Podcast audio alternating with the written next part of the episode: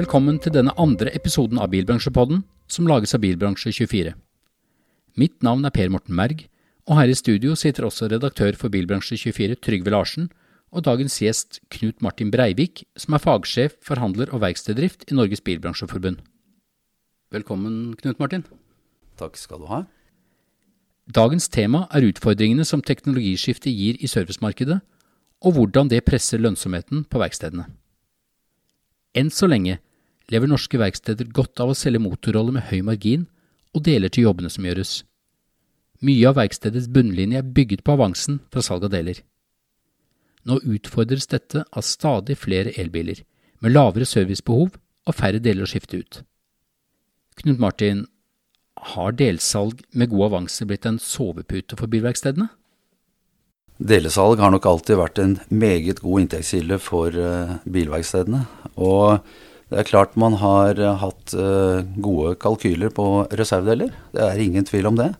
Med da den nye verden som da ligger foran oss, med mindre mulighet for å selge reservedeler, mindre mulighet for å selge oljeprodukter, så er det klart, da må man se seg om etter alternative løsninger for å dekke opp bortfallet. Men når, når elbilene nå inntar Eh, verkstedene i større og større grad. Hvor da eh, både EGR-ventiler, registerremskifter og ikke minst motoroljen er borte vekk. Så må man jobbe mer med å sørge for at man sikrer inntjening òg på salgarbeid, altså salgtimer. Er bransjen forberedt på det? Det er jo sånn at uh, våre foreløpige analyser viser jo at det er minimum 30% nedgang i timesalg på en elbil kontra en tilsvarende diesel- eller bensinbil, altså en fossilbil. Og uh, omsetningsnedgangen på reservedeler er halvering, og sågar uh, ytterligere nedgang når det gjelder vi snakker margin. Om bransjen er beredt, det kan man jo sikkert stille spørsmål om. Men vi, vi, tror, og i hvert fall de som var tidlig ute med elbil, de har måttet omstille seg. Og så langt vi har kunnet bringe på det rene, så har man stort sett klart å tilpasse hverdagen til et nytt regime.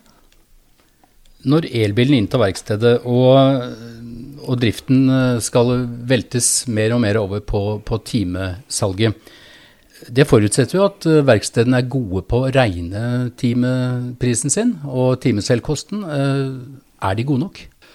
Dette er jo et tema vi har hatt oppe i vår ledertrening for eh, servicemarkedsledere, som vi har kjørt jevnlig nå de siste tre årene. Der er dette et vesentlig element. Og vi ser jo det at det er nok overraskende for en del når man begynner å se på alle de kostnader som knyttes opp mot mekanikeren alle de faste kostnadene eh, som, man skal eh, dekke inn. Så her har nok en del mye å hente. Det er ikke noe tvil om. Og Knut Martin, altså Min erfaring etter å ha snakket med veldig mange verksteder gjennom flere år, både store og små, er jo at når du spør dem om eh, Ja, Teamprisen hadde jo et, et, eh, et forhold til Jo da, vi har 1050 eller vi har 1500 kroner pluss moms eller noe sånt. Jaha, og så stiller jeg neste spørsmål. Men hvordan fremkommer den teamprisen? Da er det jo veldig mange som blir litt sånn svarskyldige. Jo, du skjønner, han kollegaen eller konkurrenten nede i gata, han ligger 50 kroner over eller under eh, det vi tar. Og vi må jo være konkurransedyktige. Og da sitter jeg med en følelse av at eh, for mange da, med fare for å gjøre noen urett, så er det mange eh, aktører i eh, verkstedbransjen som er liksom Dette er tenk på et tall. Uh, ja, Det har du nok uh, rett i. Nå skal vi kanskje ikke skylde på bilimportørene, men uh, det er nok sånn at veldig mange forhandlere har, bilforhandlere da har en, et system for å beregne sin reklamasjonstimepris. Og det kan hende at den metoden litt for enkelt også overføres til utdebiteringsprisen. Nå tror jeg nok at det blir mer og mer fokus på pakkeprisløsninger. Og jeg tror det blir fremtiden. Ikke så mye fokus på timeprisen, men man skal selvsagt ha kontroll på kostnaden. Altså timepriskostnaden som ligger i bunn. Er, er merkeforhandlerne gjennomgående mye flinkere til å beregne dette enn hva frie verksteder er? Eh, jeg tror kanskje, uten å ta munnen for full, at uh, merkeforhandlerne kanskje har uh, noe bedre systemer for det, historisk. Og at det er det som, som, ligger til grunn. Har størrelsen på verkstedet noe å si her? Er din erfaring at et større verksted klarer å ta ut en bedre margin? Det, hvis man ser de siste undersøkelser som er gjort, på, på inntjening på bilverksteder, så har vi jo en rekke relativt små bilverksteder som tjener meget gode penger ved at de gjør en sannsynligvis en god jobb akkurat på dette området her. Så jeg tror ikke det er noe direkte korrelasjon mellom størrelse og, og uh, hvor dyktig de er på dette her. Du som har erfaring med tunge kjøretøy, har vært direktør for Mercedes-Benz nytt kjøretøy og sånn.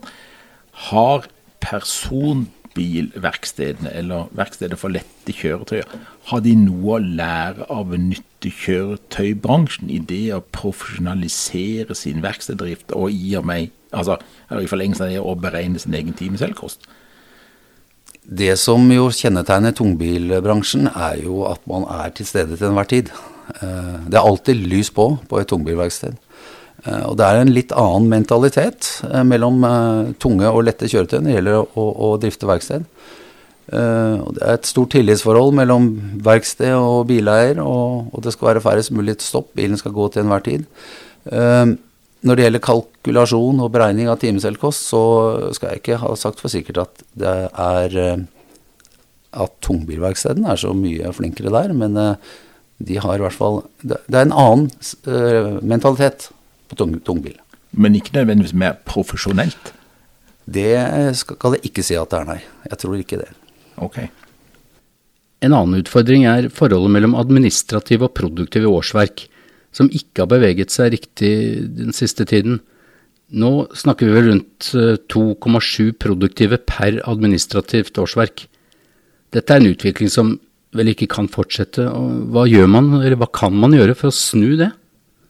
Det er en utvikling som man definitivt må se på. Og det vet vi jo, og ser vi jo at flere av de, større, i hvert fall de større organisasjonene eh, jobber med. Eh, det å, å, digitalisere prosessene i mye større grad. Um, og, eh, men så er det jo sånn da i bilbransjen at det er som i helsevesenet, det er fryktelig mye dokumentasjon. Og vi har også en veldig sterk eh, forbrukerkjøpslovgivning i Norge som gjør at du må være veldig nøye på, på dokumentasjon. Men det er helt klart at dette må det jobbes med. Og eh, gode prosesser vil redusere administrativt arbeid. Og vi ser jo nå i større grad at mekanikerne kommer et skritt nærmere kunden. Som gjør at, uh, at man kanskje kan eliminere noe av frontpersonalet. For her har jo noen gått i bresjen. Uh, Volvo har innført PST, VPS. Hvor mekanikerne selv står for kall det kundebehandlingen. Er kundemottaket snart historie? kundemottaket vil i hvert fall skifte rolle gradvis, etter hvert som ting digitaliseres. Jeg tror dette vil ta noe tid. vi er også inne i et sånn, litt sånn generasjonsskifte også på, i forhold til Altså, bileieren i Norge er jo godt voksen gjennomgående. Og, og, mange ønsker å ha en, en, fast person å snakke med. Noen syns det er ok å snakke direkte med mekanikeren, mens andre vil stå ved disken og snakke med, med kundemottakeren. Så jeg tror ikke kundemottaket som sådan er historie sånn med det første. Men jeg tror nok at, som jeg sa tidligere, mekanikeren kommer stadig nærmere kunden. Men, men, i eh, de bestrebelsene bransjen åpenbart har eh, knytta til det å kanskje skulle klare å få si tre produktive per administrativt årsverk, eh, kan man ta i bruk og få ordentlig effekt ut av det å digitalisere mer av kommunikasjonen mellom kunden og verkstedet? Og sånn sett eh, skyve denne si, utviklingen som har gått i gal retning, eh, liksom litt mer tilbake eh, til der det en gang var? Altså, Den digitaliseringen eh, vil jo kanskje ta vekk en del av de eh, som kanskje mange oppfatter som litt sånn unyttige oppgaver. Eh, også dette med det grunnleggende registrering ved innlevering av bil osv. Slik at man har kommet eh, et skritt eh, nærmere når bilen leveres. Det er jo et faktum at uh, mange av uh, de som nå har innført uh, PST og, og generasjonen etter, altså VPS, Volvo personlig service, som jo kjennetegnes at man da går to mekanikere eller to teknikere på hver bil, de erfarer at de får et mye mindre arealbehov på verkstedet enn om man har hver mekaniker og tekniker på sin bukk på sin bil. Og mm. dette er jo en utfordring, eller en utvikling som ser ut til å fortsette. Eh, sitter du med en følelse at det er mange verksteder i dag, det være seg frittstående eller merkeverksteder store eller små, som driver eh, i urasjonelle eller lite hensiktsmessige, tidsmessig riktige lokaler? Hva kan du si om det? Det er nok eh, helt riktig, fordi eh, mange bilanlegg i dag er jo bygget for en litt annen tid. Mm. Og se bare på re reservedelslageret. Hvilken mulighet man i dag har med, med flere leveranser per dag. man har, som du sier, man setter flere mekanikere på én bil. og det er klart, mye unyttig plass vil etter hvert eh, vise seg. Det er nok eh, sannsynlig, ja. Jeg antar at det er vanskelig å fjerne denne plassen. Så det, utfordringen ligger vel i å, å, utnytte den bedre til noe annet, kanskje. Uh, hvordan uh, syns du man klarer det så langt? Ja, så Da er det snakk om å fylle opp uh, det vi snakket om innledningsvis i forhold til dette med bortfall. Det er klart Da må man se på, på, nye inntjeningsmuligheter. Og Det er jo da snakk om dette om å ta tilbake, som bransjen liker å snakke om i dag. og det er klart, Der har du jo alt ifra frontruteskift, du har aircondition service, du har Eh, små, enkle skadereparasjoner osv. Disse plassene kan du jo bruke. Så trenger jo, litt avhengig av oppsett på verkstedet, så trenger du også plass til å kalibrere både sensorer og annet. Og det er klart det krever også eh, litt plass. Men det er klart, det å få omsetning per kvadratmeter begynner etter hvert å bli viktig. Vi ser jo hvor mange eh, forhandlere og verksteder i dag som har dekkhotell. Det har vel snart alle. Og det er klart, frigjør du plass eh, til å lagre dekk på en rasjonell måte, så får du omsetning per kvadratmeter. Du nevnte dekk. Det er vel et av de eh, si, største lyspunktene med overgangen til elektrifisering. Tall jeg har sett, tyder vel på at elbiler har vel et dekkforbruk som er minst 10% høyere enn en tilsvarende fossilbil. Det er som kjent maks maksmoment fra null turtall. Og Det er eh, også riktig. Og en annen faktor er også at mange av elbilene i dag har dekk med store dimensjoner. Eh, vi snakker om ganske høye summer på eh, dekk. Og mange kunder blir nok litt overraska når de kommer og skal bytte dekk på sin litt større elbil. Tror du ut ifra det man har sett så langt, at det blir mer rene bremsejobber på helelektriske biler enn det er på fossilbiler. Altså jeg tenker, De har jo eh, generering av energi når du slipper gassen og sånn. Bremsene blir rett og slett så lite brukt at eh, med god hjelp fra Statens vegvesen så ruster det sønder og sammen. Det er nok også riktig, ja. Det, det, er vel en av de eh, hva skal vi si, type jobber som man ser, kanskje kan forvente en økning på i forhold til hva man har på en, en, en fossilbil i dag. Eh, bremsene de brukes for lite, og de, enten så setter de seg, eh, og så ruster de, og så blir det utfordringer. Og det er klart, der har man nok en eh, utfordring i forhold til å, å forklare kunden hvordan dette her fungerer. Og så har man kanskje en ting til når vi er først inne på det der. Hjulopphengdskomponenter og fjære og, og stabilisatorstag og støtdemper og sånn de ryker jo minst like fort som på en fossilbil, for disse elbilene veier jo ikke noe mindre, snarere tvert imot. Det stemmer også. Eh, så eh, det er snart bare eksosanlegget som eh, er Det er i hvert fall en saga blått. Ja, altså motorolje, da. Ja, altså motorolje. Ja. Jeg må ikke glemme den. Nei, Men det er helt riktig. Eh, juleoppheng, absolutt. Bilene går også mye i, i gater med, med uh, mye hull. Uh, og, og, det slås i filler osv. osv. Så leverandør av bremsekomponenter og hjulopphengskomponenter, altså da i tillegg til dekk, de går egentlig en lys fremtid i møte? Ja, de, de, får nok ikke den eh, hva skal vi si, samme nedgangen som man forventer på mer andre, andre deler og komponenter. Det, det, kan man nok si. Så til tross for mange utfordringer, betyr dette at uh, det er mulig å drive sunt i servicemarkedet også i fremtiden? Det er absolutt mulig, og, og, men man må kanskje åpne si, klaffene litt grann i forhold til å se, se nye muligheter. Det er jo mange mobi mobilitetskonsepter i dag. Eh, er det helt utenkelig å, å reparere elsykler, f.eks.? For, for en som er litt, eh, litt, kreativ? Jeg vet ikke. Jo, men eh, hvis vi trekker den, da. Det finnes jo en del mindre verksteder på mindre steder som jo har jo vist seg å være veldig fleksible når det gjelder å håndtere kundenes behov. Kunden har en bil, han har to biler, han har kanskje sågar en traktor. Da fikser vi den, i hvert fall hengeren hans. Og så har sønnen muligens en moped. Ja ja, vi er ikke mopedverksted, men vi prøver det. Og kanskje også en plenklipper. Men det er jo helt utenkelig å skulle komme trekkende med påhengsmotoren eller plenklipperen eller mopeden til en merkeforhandler i byen. Han ville tro du var gal. Ja, det er nok eh, sikkert riktig. Så får man jo se hvorvidt man skal se. Eh, så er det en annen ting også i dette her. Altså med den teknologiske utviklingen man ser på bilene, så kan man kanskje ikke bli best på alt heller. Det er mulig man må prøve å, å, å, å se litt på type reparasjon, eller type merker man skrur på, osv. Ja, det er vel ingen som vet hva en forgasser er i dag? Knapt nok.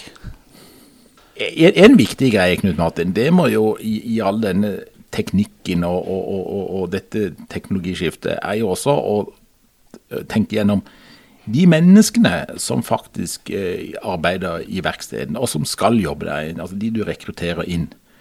Eh, ja, at de må være datakyndige, det sier seg selv med diagnose og sånn, men må de ha andre menneskelige eh, egenskaper enn det de har hatt? Nå skal de ha mye større grad av kundekontakt, men fleksibilitet, altså hvilke tanker gjør dere rundt det?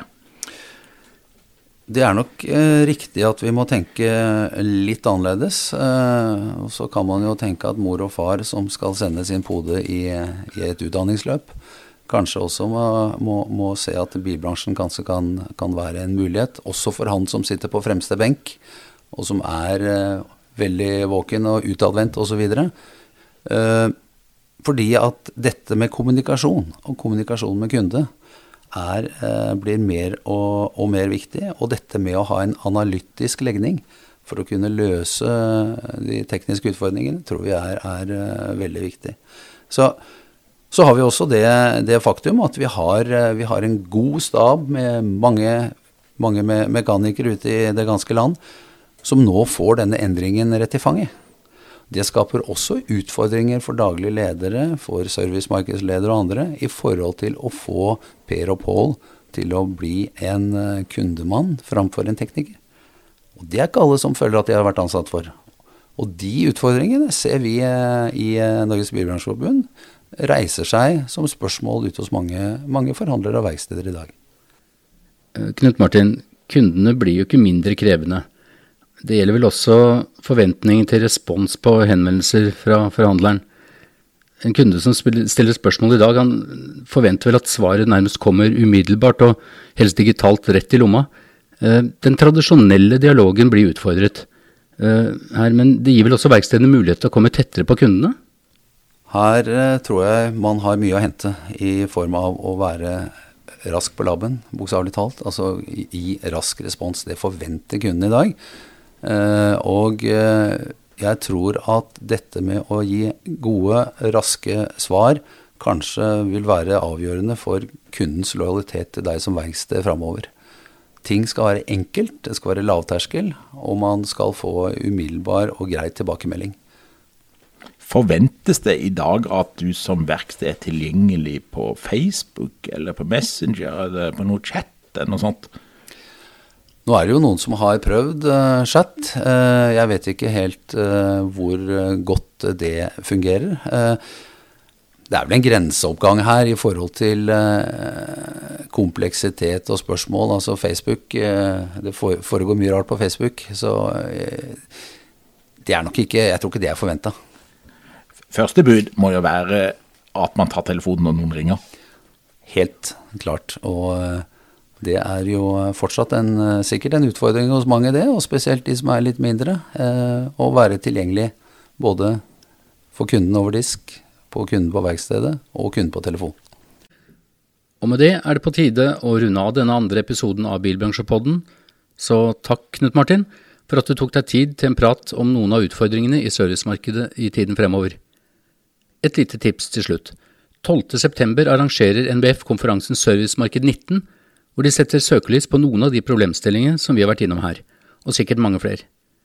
Til neste gang vi høres, klikk deg inn på Bilbransje24 for de siste nyhetene.